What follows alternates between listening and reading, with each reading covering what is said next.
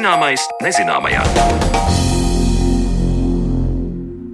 Esiet sveicināti ar jums kopā esmu es Sandra Kropa un šis ir redzījums zināmais nezināmajā. Turpmākajās minūtēs mēs pievēršamies mūsu planētas noslēpumainākajiem nostūriem. Tehnoloģiju laikmetā, kurā dzīvojam, šķiet zinām visu par visu. Te jau ik stūris no mūsu pilsētām ir kartēts, digitālās kartēs skatāms un ar vietālruni ērti atrodams. Un tomēr vai esam kartējuši visu planētu, cik labi pārzinām cilvēku neapdzīvotās un apdzīvotās vietas pasaulē, par to tad runāsim raidījuma otrajā daļā. Bet pirms tam iepazīsim tuvāk slavenos mērnieku laikus. Pēc mirkļa skaidrosim, cik aktuāls mūsdienās ir senās papīra kartes un vai šodien esam kartējuši visu planētas sauszemi un ne tikai, bet, ja reiz runājam par mērniecību, ieklausīsimies Zanes Lācis Baltāksnes sarunā ar Turaidas muzeja rezervāta speciālisti Justīnu Timermani par Zviedru laiku mērniecību vidzemē, kad 17. gadsimta vidū te ieradās Zviedru mērnieki, kas kartēja zemi. Ar kādiem instrumentiem tolaik notika zemes mērīšana un ko vēstīja senās kartes, par to turpmākajās minūtēs.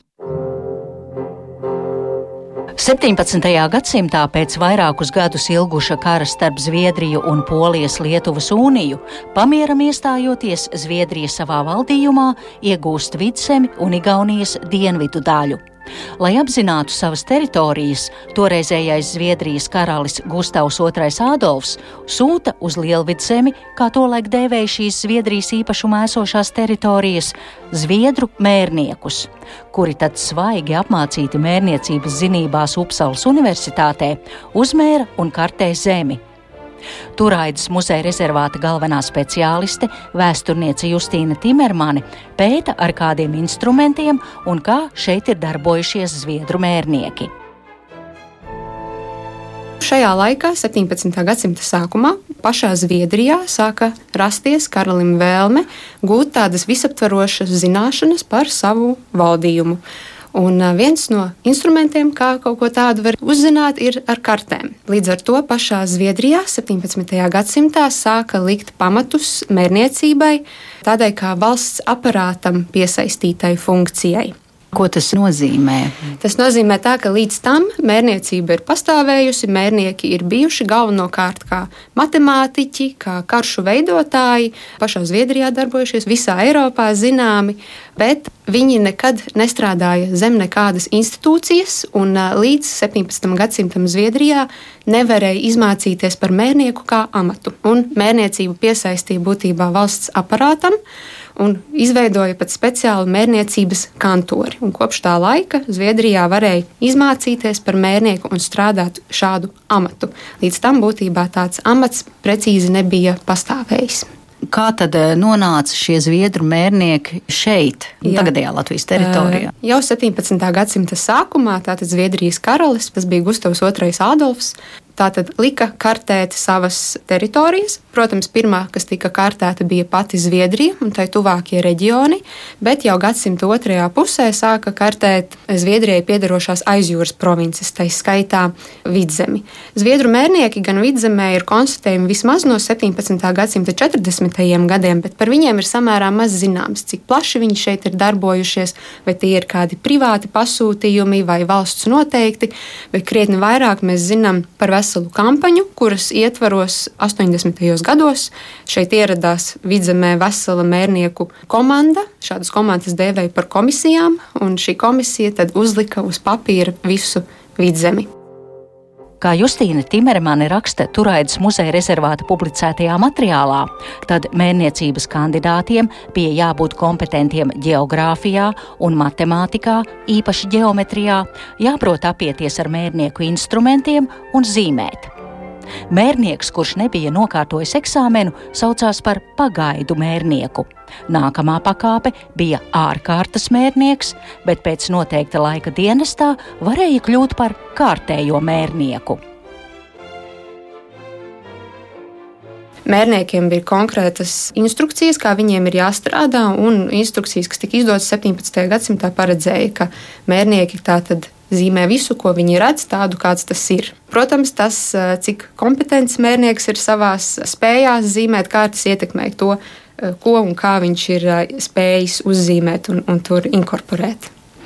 Jo es saprotu, Justīna, ka jūs šo savu pētījumu veicāt pēc tā laika karšu paraugiem, kas ir saglabājušies līdz mūsdienām. Tad vai mērnieki Vai tie bija tie paši cilvēki, kuriem pēc tam tās kartes zīmēja? Tieši tā, mērnieku darba rezultāts bija kartes radīšana. Viņi taisīja dažādu lielumu kartes.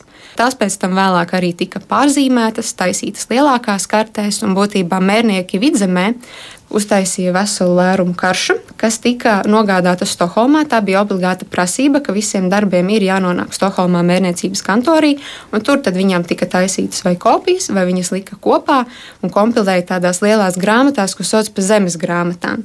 Un tātad pēc šī darba paveikšanas gadu vēlāk tika arī salikta kopā šī lielā vidzemes ģenerāla karte. Salīdzinot ar eh, šodienu, kā tā karte, kā tas izskatījās to laiku un kā tagad? Dzīvē man oriģinālu eh, nācies nav redzēt, bet, protams, kopijas šīm kartēm ir pieejamas šodien. Un, uh, pirmajā acu uzmetienā šī karte liekas ļoti avansēta, varbūt ļoti lielā mērā līdzīga mūsdienu kartēm, tikai ar roku zīmēta. Un varbūt neiekļaujot kaut kādas specifiskas detaļas, kuras mēs varbūt sagaidītu šodien redzēt satelītu kartēs un tam līdzīgi. Un, protams, viņas šķiet ļoti mākslinieciskas, skaistos rokrakstos rakstītas ar savādākiem aprakstiem līdzās. Toreiz mērnieki aprakstot dažādus biotopus ielika šos aprakstus, tad to aptuveni kāda varbūt bija zeme, kādi meži un tā tālāk, bet nevienmēr. Dažkārt ir arī, ja ir saimniecības aprakstītas, tad ir arī zemnieku vārdi, bet nu, arī kā kurā kartē. Un, lai gan šīs kartes liekas ļoti avansētas, un viņas noteikti bija līdzīgā līmenī kā citur Eiropā šajā laikā taisīja kartes, viņās ir gana daudz kļūdas atrodamas. Arī tīri no mērniecības viedokļa zināmas kaut kādas robežu kļūdas, koordināšu kļūdas, kas neļauj šīs kartes tā uzlikt uz mūsdienu kartes un teikt, ka tas ir viens pret vienu. Jo mērniecības komisijā, kas strādāja vidzemē, bija ļoti daudz studentu, kas mērniecības teoriju zināja, bija izmācījušies, bet nebija praktiski vēl šādu darbu veikuši. Tas arī ir iemesls, kāpēc šis darbs bija ilgs, pieci gadi, lai gan komisijas inspektors solīja, ka visu paveiks gada laikā. Un iemesls, kāpēc arī varbūt tik daudz kļūdas ir. Tā laika kartēs tiek parādītas ēkas, cietokšņi, kungu nami, zemnieku mājas un, protams, arī mūžu teritorijas un ceļi. Kā teica Justīna Timermane, tad 17. gadsimtā te ir darbojušies vairāk nekā 40 Zviedrijā skolotu mērnieku. Daudziem šī bija pieredze, kas viņus sagatavoja eksāmenam un bruģēja turpmāku ceļu pa karjeras kāpnēm. Jautāja vēsturniecei par mērinstrumentiem, kādus tolaik izmantoja zemes mērīšanai. Un izrādās, ka šādus priekšmetus lietoja gan astronomijā, gan arī jūrniecībā. Pašā Zviedrijā viņu mērniecība ļoti lielā mērā balstījās uz tām metodēm un instrumentiem, kas tika izmantoti visā pārējā Eiropā. Un tajā laikā mērniecības tehnikas bija savā mērā vienkāršas. Tā mums varētu šķist vismaz būtībā balstoties uz dabā jau esošajām robežām, vienalga dabiskām vai eh, cilvēku nospraustām, mākslīgām, gan īpašumiem, kādiem biotopiem, tika izmērīts šo robežu garums. Un aprēķināts, izmantojot matemātiku, laukums. Tāpat kā mēs geometrijā aprēķinātu kādu laukumu. Protams, kad ir runa par dabā esošu laukumu, tur ir ļoti daudz aspektu, ko ņemt vērā. Zeme tomēr nav plakana pati par sevi. Tāpēc šiem mērniekiem pašiem bija jābūt ļoti kompetentiem matemātikā, un viņus bieži vien izvēlējās no studentu vidus Upsalas Universitātes matemātikas un geometrijas programmās. Patiesībā šajā laikā visas esošās mērniecības metodes nebalstījās uz konkrētu instrumentu klāstu. Un būtībā tas, cik kompetents ir mērnieks, ar kādiem instrumentiem viņš prot strādāt, ar tādiem viņš savu darbu veids. Konkrēti, kādus instrumentus zviedri paši izmantoja šeit, mēs nevaram zināt, kas ir bijis katra individuāla mērnieka instrumentu tādā arsenālā, bet skatoties uz prasībām, kas ir nepieciešamas, lai mērnieki nokārtotu eksāmenu, un šis eksāmenis tika ieviests 17. gadsimtā, tad tur parādās, kādi instrumenti ir jāpazīst un ar kādiem ir jāprot apieties topošajiem mērniekiem. Pamatā šajā laikā, lai varētu zīmēt kartes un kaut ko izmērīt, bija jāprot noteikt laiks, noteikt distance un noteikt leņķis. Un tad šie instrumenti arī šīm vajadzībām tika izmantoti. Piemēram, mērnieki izmantoja tādu instrumentu kā nokturnāli. Tas ir ar jūrniecību patiesībā saistīts instruments, kurš mēra laiku attiecībā pret to, kāds ir zvaigžņu novietojums debesīs. Praktiski kā viņi naktas laikā šo ir mērījuši un izmantojuši kartēs, to mēs šodien varbūt ļoti grūti rekonstruēt. Distances mērīšanai izmantoja pamatā dažādus lineālus, un ir zināms, ka 17. gadsimta 90. gados sāka veidot kādas instrukcijas, lai varētu standartizēt, ka visi izmanto viena veida lineālus, lai mērītu leņķus, izmantot izmantoja tādus instrumentus kā kvadrantu, kas ir tāds ceturdaļa apļa formas priekšmets ar tādu kā svārstu, kā arī izmantoja astrolabu, kas šodien vairs nav mums pazīstams. Viņu lietoja līdz aptuveni 18. gadsimtam. Pamatā viņš tiek saistīts ar astronomijas pētījumiem, un tādi šie ir abi instrumenti, kas izmantojot debesu ķermeņus, ļauj noteikt kādu proporciju leņķi. Mēs nezinām konkrēti, kādus šos instrumentus viņi izmanto, jo dažkārt, kad viņi ir pielāgoti, viņi var palīdzēt mērīt garumu, platumu un citas leņķiskas vienības. Un, protams, ka katram mērniekam bija jāstrādā ar standarta instrumentiem, kas jau bija dažādi cirkuļi, lineāli, kompasi. Un vēl konkrēti par zviedru mērniekiem zināms, ka viņiem bija plaši pielietots tāds instruments kā mensula, kas ir mērniecības galdiņš, ar kuru tieši zīmēja šos plānus dabā. Kāds tas galdiņš izskatās? Mēs runājam par tādu nelielu izmēru mēbeli, kā galdu vai Būtībā jā, tāds viņš arī izskatās.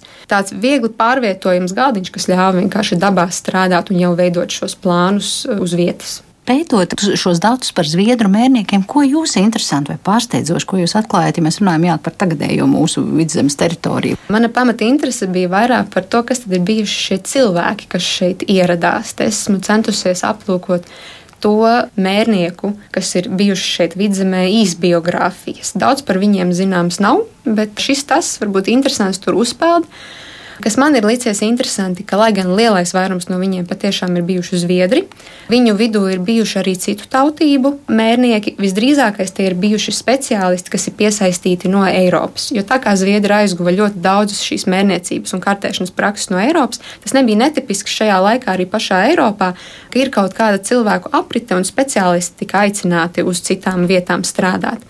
Es centos saskatīt, vai nav gadījumā arī kādi Baltijas iedzīvotāji, kas ir kļuvuši par mērniekiem. Un man izdevās atrast, ka trīs tādi ir bijuši kas ir kļuvuši par mācekļiem šeit vidzemē dienošajiem mērniekiem, un vēlāk ir Stokholmā nokārtojuši mērniecības eksāmenu. Gan kur un kā viņi ir tālāk darbojušies, tas nav zināms. Skatoties gan pēc viņu vārdiem, viņi visdrīzākais ir vācu izcelsmes. Vai būtu kādi latviešu izcelsmes potenciāli, diemžēl tādus atrast nevar.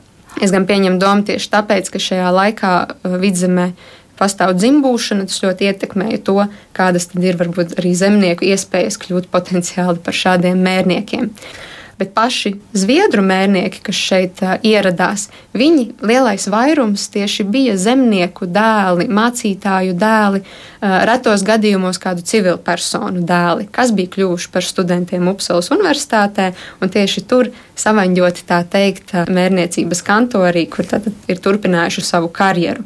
Un liela atšķirība šeit ir tāda, ka tieši Zviedrijā nepastāvēja dzimbūšana. Un tad tur kaut kas šāds krietni šķiet dabiskāks un iespējamāks nekā kā pie mums šeit.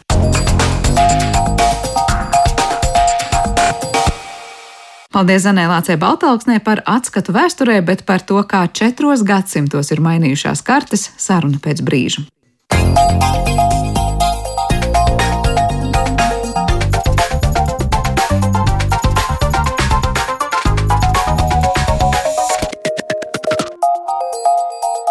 Zināmais nezināmajā. Bija laiks, kad cilvēku zināšanas par pasauli sev apkārt bija visai ierobežotas, un kartes, kas tapa šodien daudziem liktu pasmaidīt par saudabīgo geogrāfiju. Tomēr, ja savulaik kartes sevī nesē reliģisku un fundamentālu tā laika sabiedrības uzskatu, tad mūsdienās tās precīzi un tieši norāda to, kas konkrētā vietā ir sastopams. Cik labi kartēta ir planētas sauszeme, ūdeņu un cilvēku apdzīvotās vietas, un vai kaut kur vēl ir kāda neizpētīta un kartogrāfiem nezināma vieta, par to tad šodien vairāk runāsim ar mūsu studijas viesiem, un tie mums šodien ciemos ir Latvijas Universitātes Geogrāfijas un Zemezinātņu fakultātes asociētie profesori Mārcis Bērziņš un Kristaps Lamsters. Labdien! Labdien! Labdien. Nu, sākšu ar galveno jautājumu, cik tad šajā gadsimtā labi kartēta ir pasaules teritorijas, jo te ieskicēja gan sauszemi, gan ūdeņus. Droši vien parunāsim atsevišķi par konkrētiem reģioniem, bet tā kopumā skatoties, var teikt, mēs dzīvojam laikā, kurā nu, viss tādās kartēs ir labi atrodams un redzams. Kristap. Ļoti sarežģīts jautājums. Pirmkārt, jo karš ir tik daudz, cik daudz karšu veidu mēs varam kartēt. Pilnīgi jebkādu parādību.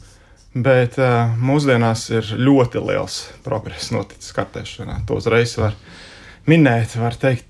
Tikai pat pēdējā desmitgadē mēs esam ieguvuši daudz vairāk informācijas, kaut kā piemēram par Zemes virsmas reliefu, okeāna gultni, salīdzinot ar informāciju iepriekšējā gadsimtā.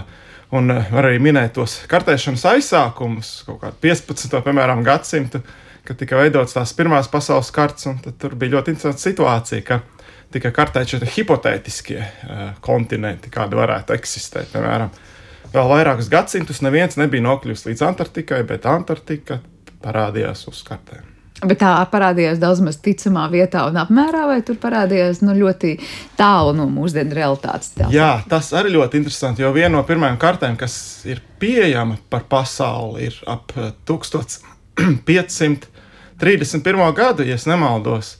Un, uh, tur parādījās Antarktika ap Dienvidpolu un pat faktiski tādā formā, kādai viņai bija jābūt. Restīvi, grieķu filozofi paredzēja, ka tur atrodas šis kontinents. Ir kādas versijas, kā viņi to laiku saprata un zināja, ka tur ir tāds kontinents un tās aprises, vai tā ir tāda? Mm. Tie ir mīti un viss balstījās uz to, ka jābūt visam ir līdzsvarā. Ja ziemeļpuslodē ir liels kontinents, tad jābūt arī pretstatam pusē. Bet tu teici, Antarktika tur bija patiesībā Jā. diezgan precīzi, plus mīnus līdzīgi mūsdienām iezīmēta. Jā, tāda apaļforma. Māri, kā, kāds viedoklis par senajām kartēm un mūsdienu kartēm skatoties? Nu, te laikam jāsaka arī par to nu, sadalījumu kopumā zemeslode. Tātad nu, vairāk, kas, mazliet vairāk kā 70% ir pasaules jūras okeāni, un tad ir atlikusi sauszeme. Un sauszeme jau arī nu, sadalās ļoti neviendabīgi. Ir, ir no, no tās apdzīvojama ir nu, arī 70% apmēram no sauszemes, bet teiksim, tāda nu, pilsētas, ciemi, infrastruktūra vispār veido tikai 1% no, no šīs te, nu, sauszemes daļas, nu, tāda, kas varētu būt cilvēkiem interesanta kartēšanai. Jā. Tā kā arī tas jāņem vērā, jo, jo nu, mazliet veidojas varbūt tāds paradoks. Mēs tikko pārsniedzām 8 miljardus Un dzīvojot pilsētā, nu, liekas, ka tā, tā dzīve grozās tikai ap pilsētu, ja, bet patiesībā tā ir tikai maza, maza daļiņa sauszemes. Bet mēs varam teikt, ka ir pasaulē vietas, kur dzīvo cilvēki, bet kas kartē vispār nemaz neparādās. Vai tā nu mm. gluži vairs nevar būt? Nu, gan jau ka ir, gan jau ka ir jāpieņem, jo arī nu, tā, tā, tā apdzīvotā daļa ir ļoti nevienmērīga. Patiesībā lielākā daļa dzīvo šajās te megapilsētās, un tās ļoti strauji auga. Bet, protams, ir jāskatās uz to iedzīvotāju dinamiku, un viņa jau nav visur vienāda. Latvijas gadījumā, piemēram, varētu būt aktuāls jautājums, kā mēs kartējam, vai varbūt, varbūt vispār nav jākartē šīs E, teritorijas, kas iztukšojās, kas zaudēja iedzīvotājus. Ja, un tad pretstatā ir otra puse, nu, piepilsētas daļa, kur tā dinamika ir e, nu, ar pozitīvu pieaugumu, ja, un kā tur mainās un, un, un, un kā, tas, kā tas notiek. Kā, Bet nu. mēs varam teikt, ka kartes iet līdzi tam laikam, cik ļoti ātri mainās tieši iedzīvotāju ziņā tā apdzīvotība tur piepilsētās vai savukārt ciemi, kas tukšojās. Vai mēs kartēs vēl skatāmies nu, uz to ainu, kas tur bija pirms vairākiem gadiem vai pat gadu desmitiem? Nu, ja mēs runājam par drukāto karti, tad, protams, tur kaut kāda laika nobīde, ja, bet, bet nu, tās jaunās tehnoloģijas, tas tālispēte, dažādas satelīta ainas, ortofoto uzņēmumi ja, un arī šīs te nu, gaisa bildes kaut vai ar, ar bezpilotu nu, lidaparātiem, jeb droniem. Ko var dokumentēt. Un, un tas, protams, arī nu, no tāda iedzīvotāja viedokļa skaidrs, ka interesē mūs vairāk nu, tāda dinamiskā, dinamiskā tā kā vieta. ne tajā drukātajā veidā, var teikt, ejam līdzi laikam. Kristap, es zinu, ka tu pats esi bijis vietās, kur jūs paši esat veidojuši patiesībā dažādu teritoriju kartes, jā. un tas ir par polārajiem reģioniem runājot, jā. gan ziemeļos, gan dienvidos. Laikam, jā, ir interesanti, ka polārajā reģioni faktiski ir nokartēti daudz labāka nekā citi pasaules reģioni. Te būtu vien gari un plaši varētu stāstīt par šīm te tehnoloģijām, kā mēs iegūstam informāciju par kaut vai zemes virsmas augstumu, tā saucamo reliefu, var teikt. Un polārajās apgabalos mums ir ledāji, mums ir virsma, kuru, kuru nepārklāja vegetācija vai nepārklāja koki. Ļoti daudzām tehnoloģijām tieši šī vegetācija traucē iegūt informāciju par pašu virsmu. Polārajās apgabalos tā nav. Piemēram, izmantojot satelīta tehnoloģijas, tā saucamos lāzera um, altimetrus, kas raida lāzera signālu, un tas atstrojas atpakaļ satelīta kuģi. Mēs nomēram šo laiku. Mēs iegūstam ļoti precīzu informāciju par Grenlandi, par Antarktiku, un katru gadu šos mērījumus atkārtojot, var ļoti precīzi pateikt, par cik ļoti šī virsma ir pazeminājusies. Pārējā pasaulē, kur mums ir koki, tas rada problēmas. Tātad iegūt zemes virsmas informācijas ar kokiem. Tur um, tāda tehnoloģija, nu, ko izmantot satelīta instrumentiem, gandrīz vai, vai nav īstenībā. Jo tāds uh, lielākais pavērsiens, var teikt, arī zinātnē, kas saistās ar Zemes virsmu, notika ļoti nesen, tikai 2000. gadā. Tad, tā, tad NASA īstenoja misiju SRTM, Shuttle Radar Topography Mission, un pirmo reizi tika iegūts gandrīz globāls modelis par Zemes virsmu, uh, izmantojot radara datus. Bet eh, problēma bija tāda, ka tas nebija zemes reliefa modelis, bet tas ietvēra faktiski koku augstumu, ēkas. Bet, jebkurā gadījumā, pirmo reizi pasaulē tikai 2000. gadā iegūta arī globālu modeli, kuram izšķirtspēja nebija kilometrs kā agrāk, bet jau 90 un vēlāk 30 metri.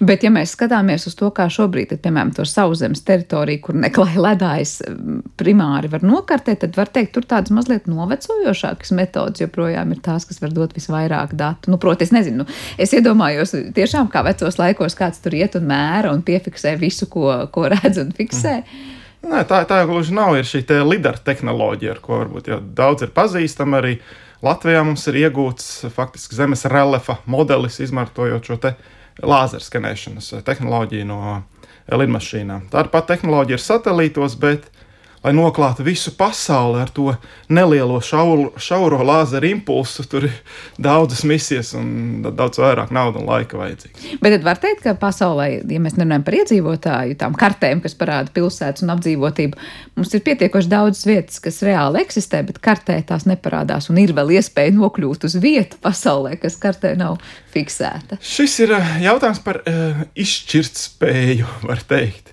Un visa pasaule ir nokartēta ar noteiktu izšķirtspēju.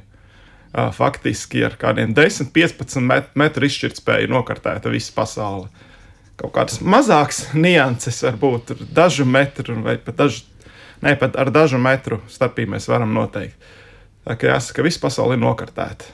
Okeāns ir izņēmums. Jā, kā ir ar to okeānu un kā ir ar tām okeāna kartēm? Jo es uzreiz iedomājos, varbūt arī daudz klausītāju. Nu, acu priekšā iedomājas to pasaules karti, un vienmēr, kad mēs paskatāmies tādā tiešām globusa jau formātā, vienmēr ir tā sajūta, ārprāt, cik ļoti liela daļa tur otrā pusē aizņem tas okeāns, ko mēs nu, tādā plaknē vienmēr skatāmies, nu jā, tur abiem kontinentiem mazliet abās pusēs ūdens, nu tāda tā pasaule jā. ir, ja, bet mūsu galvā viņi veidojas nu, pilnīgi citādi. Bieži vien tā okeāna gultne, um, ja tā būtu batimetrija šajā gadījumā, nevis topogrāfija, tā neparādās tādās vienkāršotās kartēs. Uh, bet tur ir milzīgs progress arī e, noticis. Pavisam nesen varētu teikt, ka nokartēta, vispār nokartēta kā tāda ir aptuveni 10% no okeāna. Tagad, cik noprotu, šis skaitlis ir aptuveni 25%. Un e, šos datus var iegūt divos veidos. Ar okeāna problēmu tāda, ka satelīta tehnoloģijas mēs nevaram izmantot, lai iegūtu augstas izšķirtspējas, e, okeāna gultnes, reliefa modeļus. Satelīti tiek izmantoti, bet tur ir pilnīgi cita nianses. Nav tāda instrumenta, kas iet cauri ūdenim līdz eh, gultnei, bet eh, tiek tātad izmantoti instrumenti, kas ļauj novērtēt okeāna virsmas augstumu. Okeāns, okeāns nav līdzens, viņš mainās, jo mainās zemes gravitācija dažādās vietās. Ja atrodas kaut kāda liela rela forma, milzīga zemūdens kalns, un okeāna ir kalnaini ļoti, tad eh, virs šī kalna ir lielāka gravitācija, un ūdens masas tur atrodas nedaudz augstākā līmenī. Tās izmaiņas ir nelielas centimetri līdz eh, daži desmiti centimetri. Bet, izmantojot šos datus no lāzera altimetra, okeāna virsmas izmaiņām, kombinējot tos ar gravitācijas mērījumiem, mēs varam atvasināt okeāna gultnes reliefu. Tāda data ir, izšķirtspēja nav liela, precīzi ap 250 metriem, tā izšķirtspēja citur mazāk. Un tad 25% no okeāna ir noklāti ar datiem, kas tiek iegūti ar kuģiem. Gan ar zinātniskiem, gan ar civiliem kuģiem. Visiem šiem kuģiem ir tā saucamie sonāri vai, vai eholotes, kas raida akustisko signālu. Un lielākā problēma tā ir tāda, nevis, ka šo datu nebūtu, bet ka šie dati ir un pieder dažādām valstīm, dažādām kompānijām. Tur ir vairāk tas cilvēciskais faktors, kas grūtības salikt kopā, ne tik daudz tehnoloģiskais. Cilvēciskais faktors, un tagad ir tāds liels, liela pētījuma programma, tā saucās CBED 2030. Un ideja ir līdz 2030. gadam iegūt augstas izšķirtspējas informāciju par Tomēr vienoties par tiem datiem. Ja vienoties. Bet ir aprēķināts, ka šobrīd 25% ir jau pieejams, apkopots vienotā datubāzē, vēl varbūt kaut kādi 15% ir izkaisīti dažādiem īpašniekiem, tad paliek vēl 60%, kuri ir jānokārtē. Un atkal klajā nāk augstas tehnoloģijas. Tātad ir droni, kas lido pa gaisu, bet ir sail drones, tātad droni burātāji. Un, uh, ir jau tādi parādījušies, un var teikt, sāk jau tos izmantot. Tad, tādi droni, kuri paši autonomi var burāt, tur nevajag cilvēku, tur ir solārie paneļi.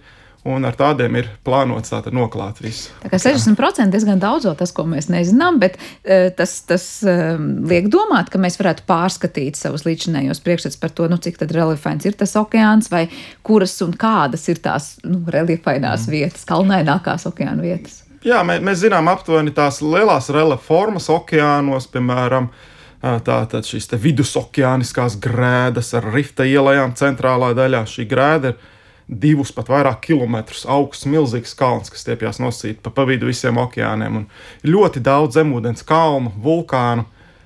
Tie mazākie vulkāni, tie nav apzināti. Tos mēs varētu apzināt. Un kāpēc tas ir svarīgi? Jo katrs vulkāns ir ap sevi rada arī ekosistēmu. Līdz ar to tās ir vietas, kur var atklāt jaunas, jaunas interesantas lietas. Ja mēs tā par to cilvēku apdzīvoto pasauli runājam, es atkal iedomājos, vai tikpat detalizēti, kā Kristaps tikko stāstīja par tiem okeāniem un kā apzināt, kas kur cik reliefains un kāds.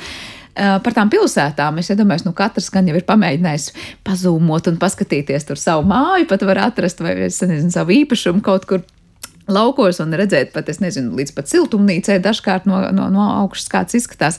Cik ļoti es tagad iedomājos tādas vietas kā tur, nezinu, Fāvelas kaut kur Brazīlijā vai Indijā, šie te graustu rajoni. Tur vispār kāds zina, kas notiek, kā izskatās, un es nezinu, nu, gan jau, ka tur ielas nav, kas pateiks, kurā vietā un kā kādam piegādāt kādu sūtījumu.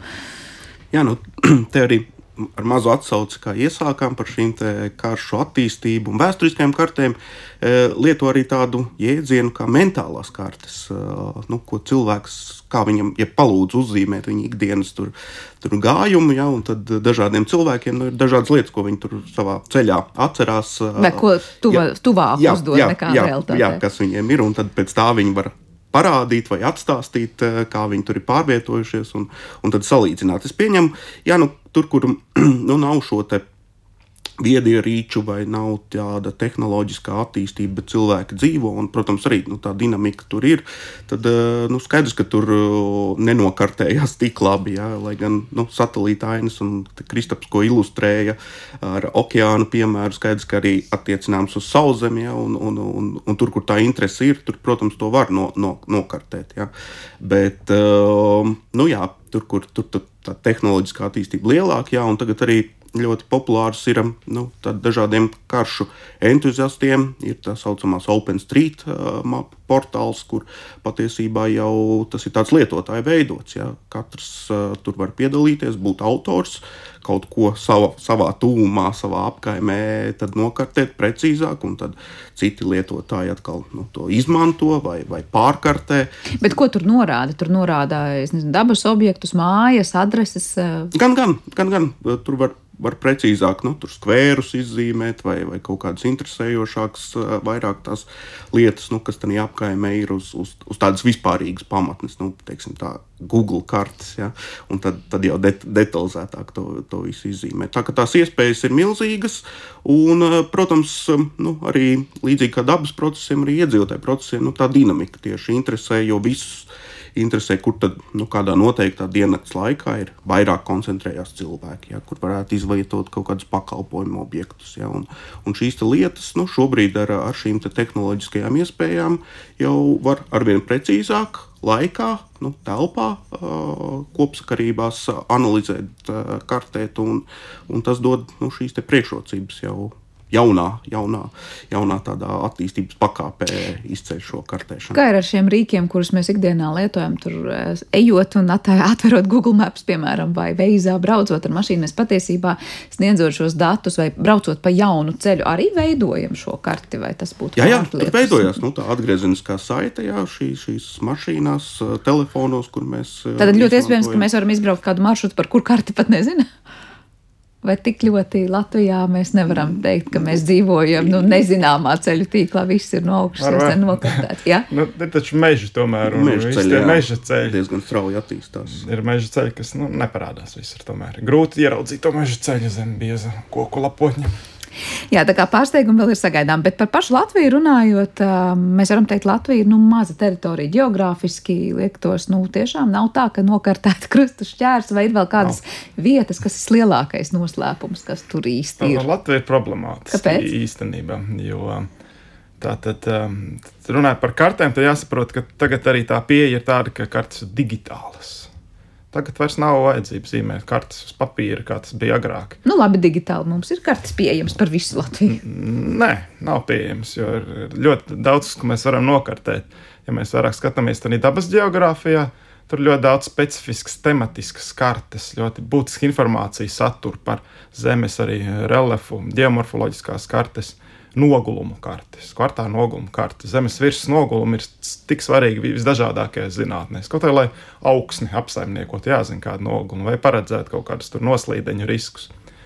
Un šādas kartes faktiski īsti digitāli pieejamas nav, jo viņas tika sagatavotas Latvijā analogā formātā, faktiski uz papīra. Un lielākoties šīs kartes sagatavoja padomu laikā, balstoties uz tajā laikā veiktajiem urbumiem un geofizikālo izpēti. Un tad tālāk šīs kartes, piemēram, Geogrāfijas zemezinātņu fakultāte, tās ir daļa no tām ir ieskanētas. Un tātad digitāli mums pieejamas, izmantojot geogrāfiskās informācijas sistēmas, bet tās ir skenētas kartes. Bet dažas kartes, kuras satur ļoti precīzu informāciju, detalizētu, eh, piemēram, mērogā 1 par 50 tūkstoši ir geoloģiskās kartes, kuras pārklāja pirmkārt tikai pusi Latvijas. Tas jau ir slikti. Un tad, tad šīs kartes ir tik sliktā kvalitātē, viņas ir laika zops sagrauzis burtiskā nozīmē. Šīs atsevišķās karšu lapas ieskanēt, salikt kopā, lai viņas pēc tam digitāli parādītos koordinātās, pat nav iespējams reizēm. Un šī informācija līdz ar to, var teikt, daļai ir zudusi. Bet šīs kartes vēl ir, viņas glabājas Latvijas valsts, ja, um, vidas geoloģijas, meteoroloģijas centrā, un šeit būtu nepieciešams valsts finansējums, lai šīs senās visas kartes ieskanētu. Bet nav vienkāršāk, tad varbūt zinot, kā tehnoloģijas mainās, vai tās atkal ir ļoti liels izmaksas, kas teikt, nu tad veicam jaunus urbumus mm. un mhm. varbūt veicam tos, um, nezinu, regulārāk, biežāk vai kā citādāk, un nevis finansējumu meklējam kartēm, bet, bet pašām. Nu... Šo mums vajag ļoti skaļi iegalvot, ka tas ir uh, vajadzīgs, jo um, Baltijas valstīs šāda kartēšana tiek veikta joprojām. Tas ir gadu desmitu ilgs uh, process. Uh, Igaunijā tas tiek veikts, Lietuvā tas tiek veikts. Latvija ir viena no retām Eiropas valstīm, kur šāda kartēšana atjaunot nenotiek. Proti, urbumi netiek veikti. Vai? Jā, jā tie, tieši ur, urpšana. Geoloģiskā urpšana un geoloģisko jaunu karšu sastādīšana. Tās ir liels izmaksas un tā nav prioritāte. Bet var teikt, ka mēs šobrīd nemaz īsti nezinām, kas ir zem mūsu kājām. Vai cik ļoti maz mēs zinām? Ir par mērogu, par detalitāti. Jā, ir vietas, kuras tiešām mēs nezinām, jo šīs senās kartes nav tik ļoti precīzas. Par visu Latviju, piemēram, geoloģiskā karte, kas sagatavota mērogā 200 tūkstoši. Un tas nozīmē, ka jebkurā vietā, paskatoties kartē, mums liktos, ka tur ir tie nogulumi, kas ir attēloti, bet dēļ mēroga tie nogulumi varbūt ir atrodas kilometru tālāk. Tad patiesībā tā precizitāte ir ļoti, ļoti nosacīta. Tā precizitāte pietiek Latvijas mērogam, tādam reģionālai plānošanai, bet eh, lokālām plānošanas vajadzībām informācija ir daudz par maz detāli. Ar kā ir ar cilvēku kartēm, es domāju, kur atkal mums ir tie klupšanas akmeņi, kas nu, Latvijas gadījumā būtu jāatjauno vai jāveido no jauna. Varbūt ir vēl kaut kādas pilnīgi citas jomas, kurām mums būtu jādomā par karšu veidošanu.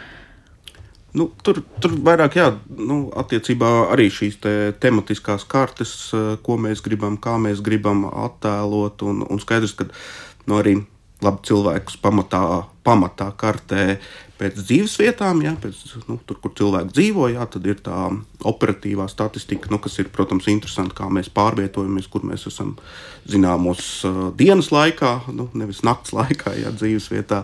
Tā, tur, tur, protams, nu, tur arī var tās tematiskās kartes ļoti daudz un dažādas veidot. Savukārt, nu, pēc tās dzīves vietas arī Mēs pētām gan dažādu iedzīvotāju grupu, šo izvietojumu, koncentrēšanos, ja, un tur pamatā ir nu, šīs metodes. Mēs dažādus tīklus, režģi tīklus izmantojam. Tad var aprēķināt indeksus un, un skatīties, kur tad zināmas iedzīvotāju grupas pilsētā vai tajā apdzīvotajā vidē izvietojās. Un pilsētas geogrāfija atkal ir nu, diezgan sena tradīcija, tā saucamā pilsētu morfoloģijas skola, ja, kā tad nu, ielu tīklus, kā veidojās, kā zemes gabali, kā ēkas tiek izvietotas šajos zemes gabalos. Nu, tā ir tā vācu, vācu angļu, tā saucamā pilsētas morfoloģijas skola. Nu, šobrīd diezgan daudz plānošanā jā, šāda pieeja izmanto un visus šos, te, sākot no detālu plānojumiem, lokālu plānojumiem, tematiskajiem plānojumiem. Nu, šā, šī pieeja tiek, tiek, tiek izmantota.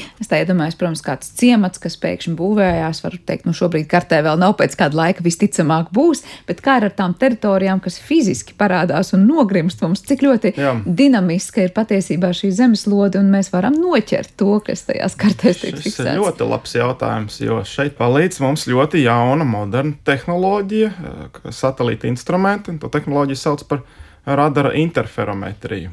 Faktiski tiek raidīts šis radara signāls, elektromagnētiskais signāls.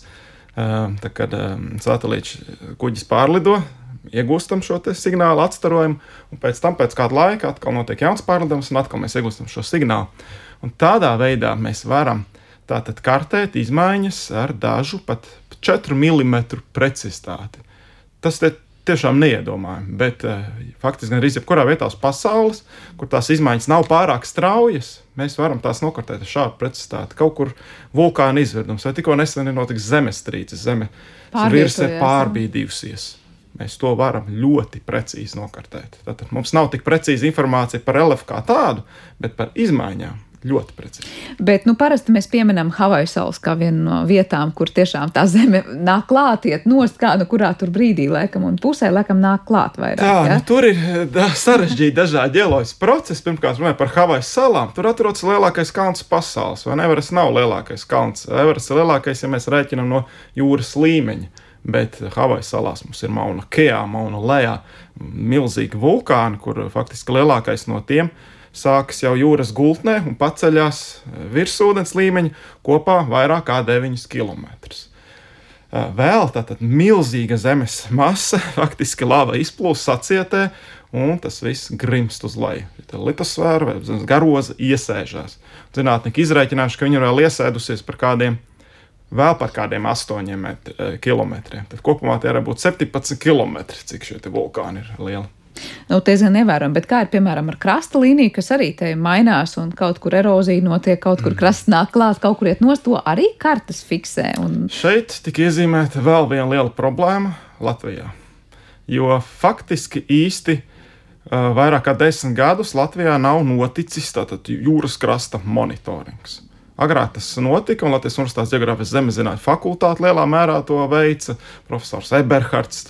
Bet tieši par kartēšanu mēs runājam, ko monitoringu, ja nevis tur sugu skaitīšanu. Jā, jā, jā, tieši par krasta līnijas izmaiņām un par to, cik daudz mums kāpas veidojās un tiek noskalots.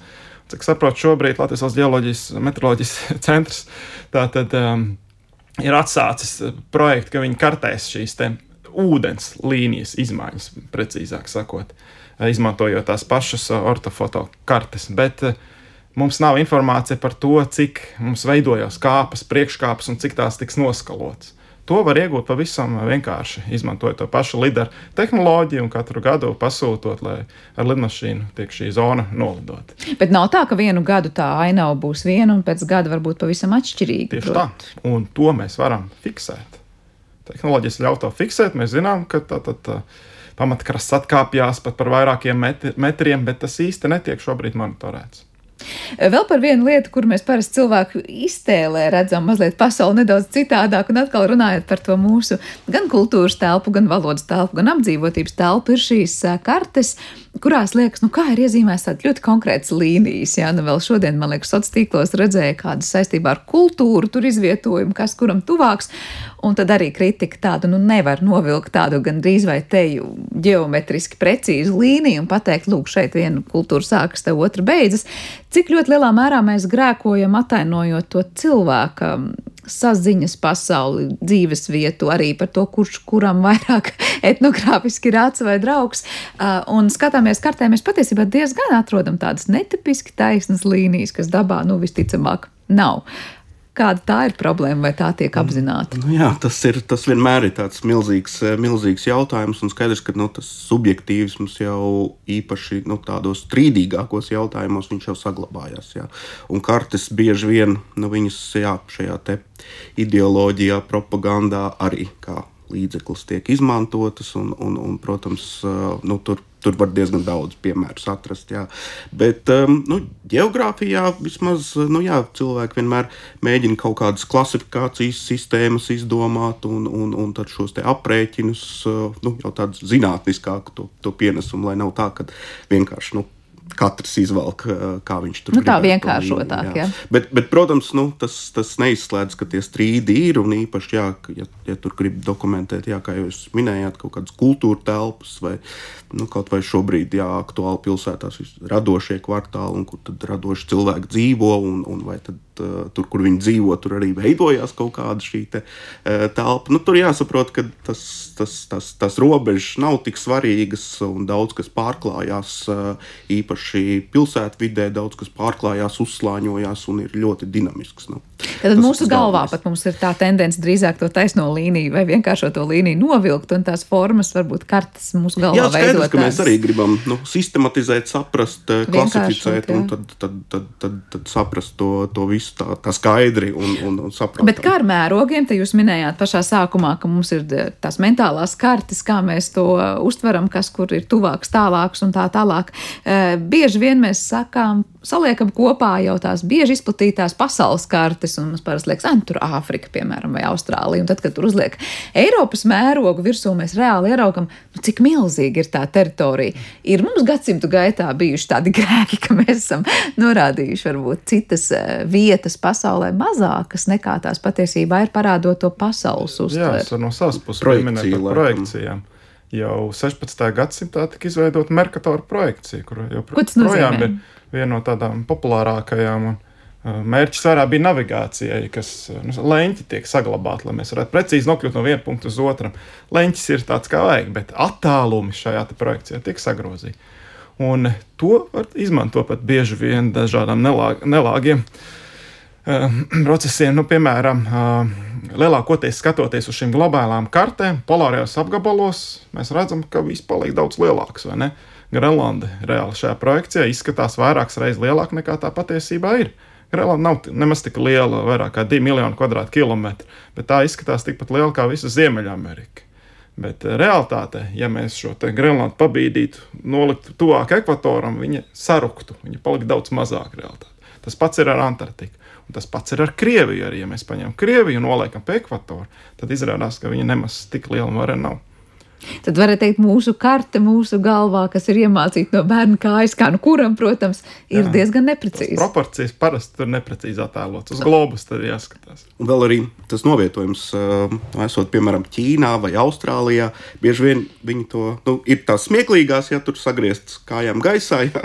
Austrālija nu, it kā, it kā normālā veidā, bet uh, patiesībā jā, nu, Ķīna, Ķīna bieži vien attēlo savas kartes vai, vai to globus, ka Ķīna ir centrā. Mēs esam nu, tā eirocentriski. Mēs, mēs skatāmies uh, caur Eiropas prizmu, protams, bet uh, nu, citās valstīs, jā, vai arī uh, Amerikā esot, nu, protams, kad šie Amerikas kontinenti tur būs centrālā, centrālā novietojumā. Tā ka tas ir interesanti. Bet tas arī ir laikam ļoti loģiski tajā brīdī, kamēr mēs skatāmies, nu tad, ja mēs dzīvojam Ķīnā, Amerikā vai Eiropā, protams, no kurienes mēs sākam uz to pasauli skatīties. Bet galvenais, lai tās proporcijas un tie izmēri ir atbilstoši, lai nav tā, ka mēs visu mūžu dzīvojam ar domu, ka varbūt kāda valsts ir nu, geogrāfiski varanāka un diženāka, kas patiesībā neko Jā. daudz neatšķiras. Lielākoties tā ir. Lielākoties tā ir. Nu, ko, mums tiešām sarunā ir pienācis brīdis likt punktu, bet uh, daudz jautājumu tiešām ļoti interesanti, kuriem atbildes ir teikt, tikai ceļā, jo pasaule vēl nebūtu nav tik ļoti izzināta, nokartēta un ir tās vietas, kas gaida vēl tikai savu atklājumu. Reizēm šķiet, ka pat citas planētas, Mars, piemēram, ir labāk nokartēta. Tā bieži mēs sakām, vienmēr liekas, bet vai tiešām? Vai tiešām? Nu, nē. Labi, paldies jums par šo sarunu. Latvijas Universitātes Geogrāfijas un Zemeszinātņu fakultātes asociētie profesori Mārcis Bērziņš un Kristaps Lamsters šodien ar mums bija kopā raidījuma zināmais nezināmajā studijā. Ar to arī raidījums ir izskanējis un teikšu paldies par to producentē Paulai Gulbinskai. Par mūziku gādāja Girds Bišerims, kopā es biju Sandra Kropa studijā un mēs tiekamies jau atkal rīt. Visu labu!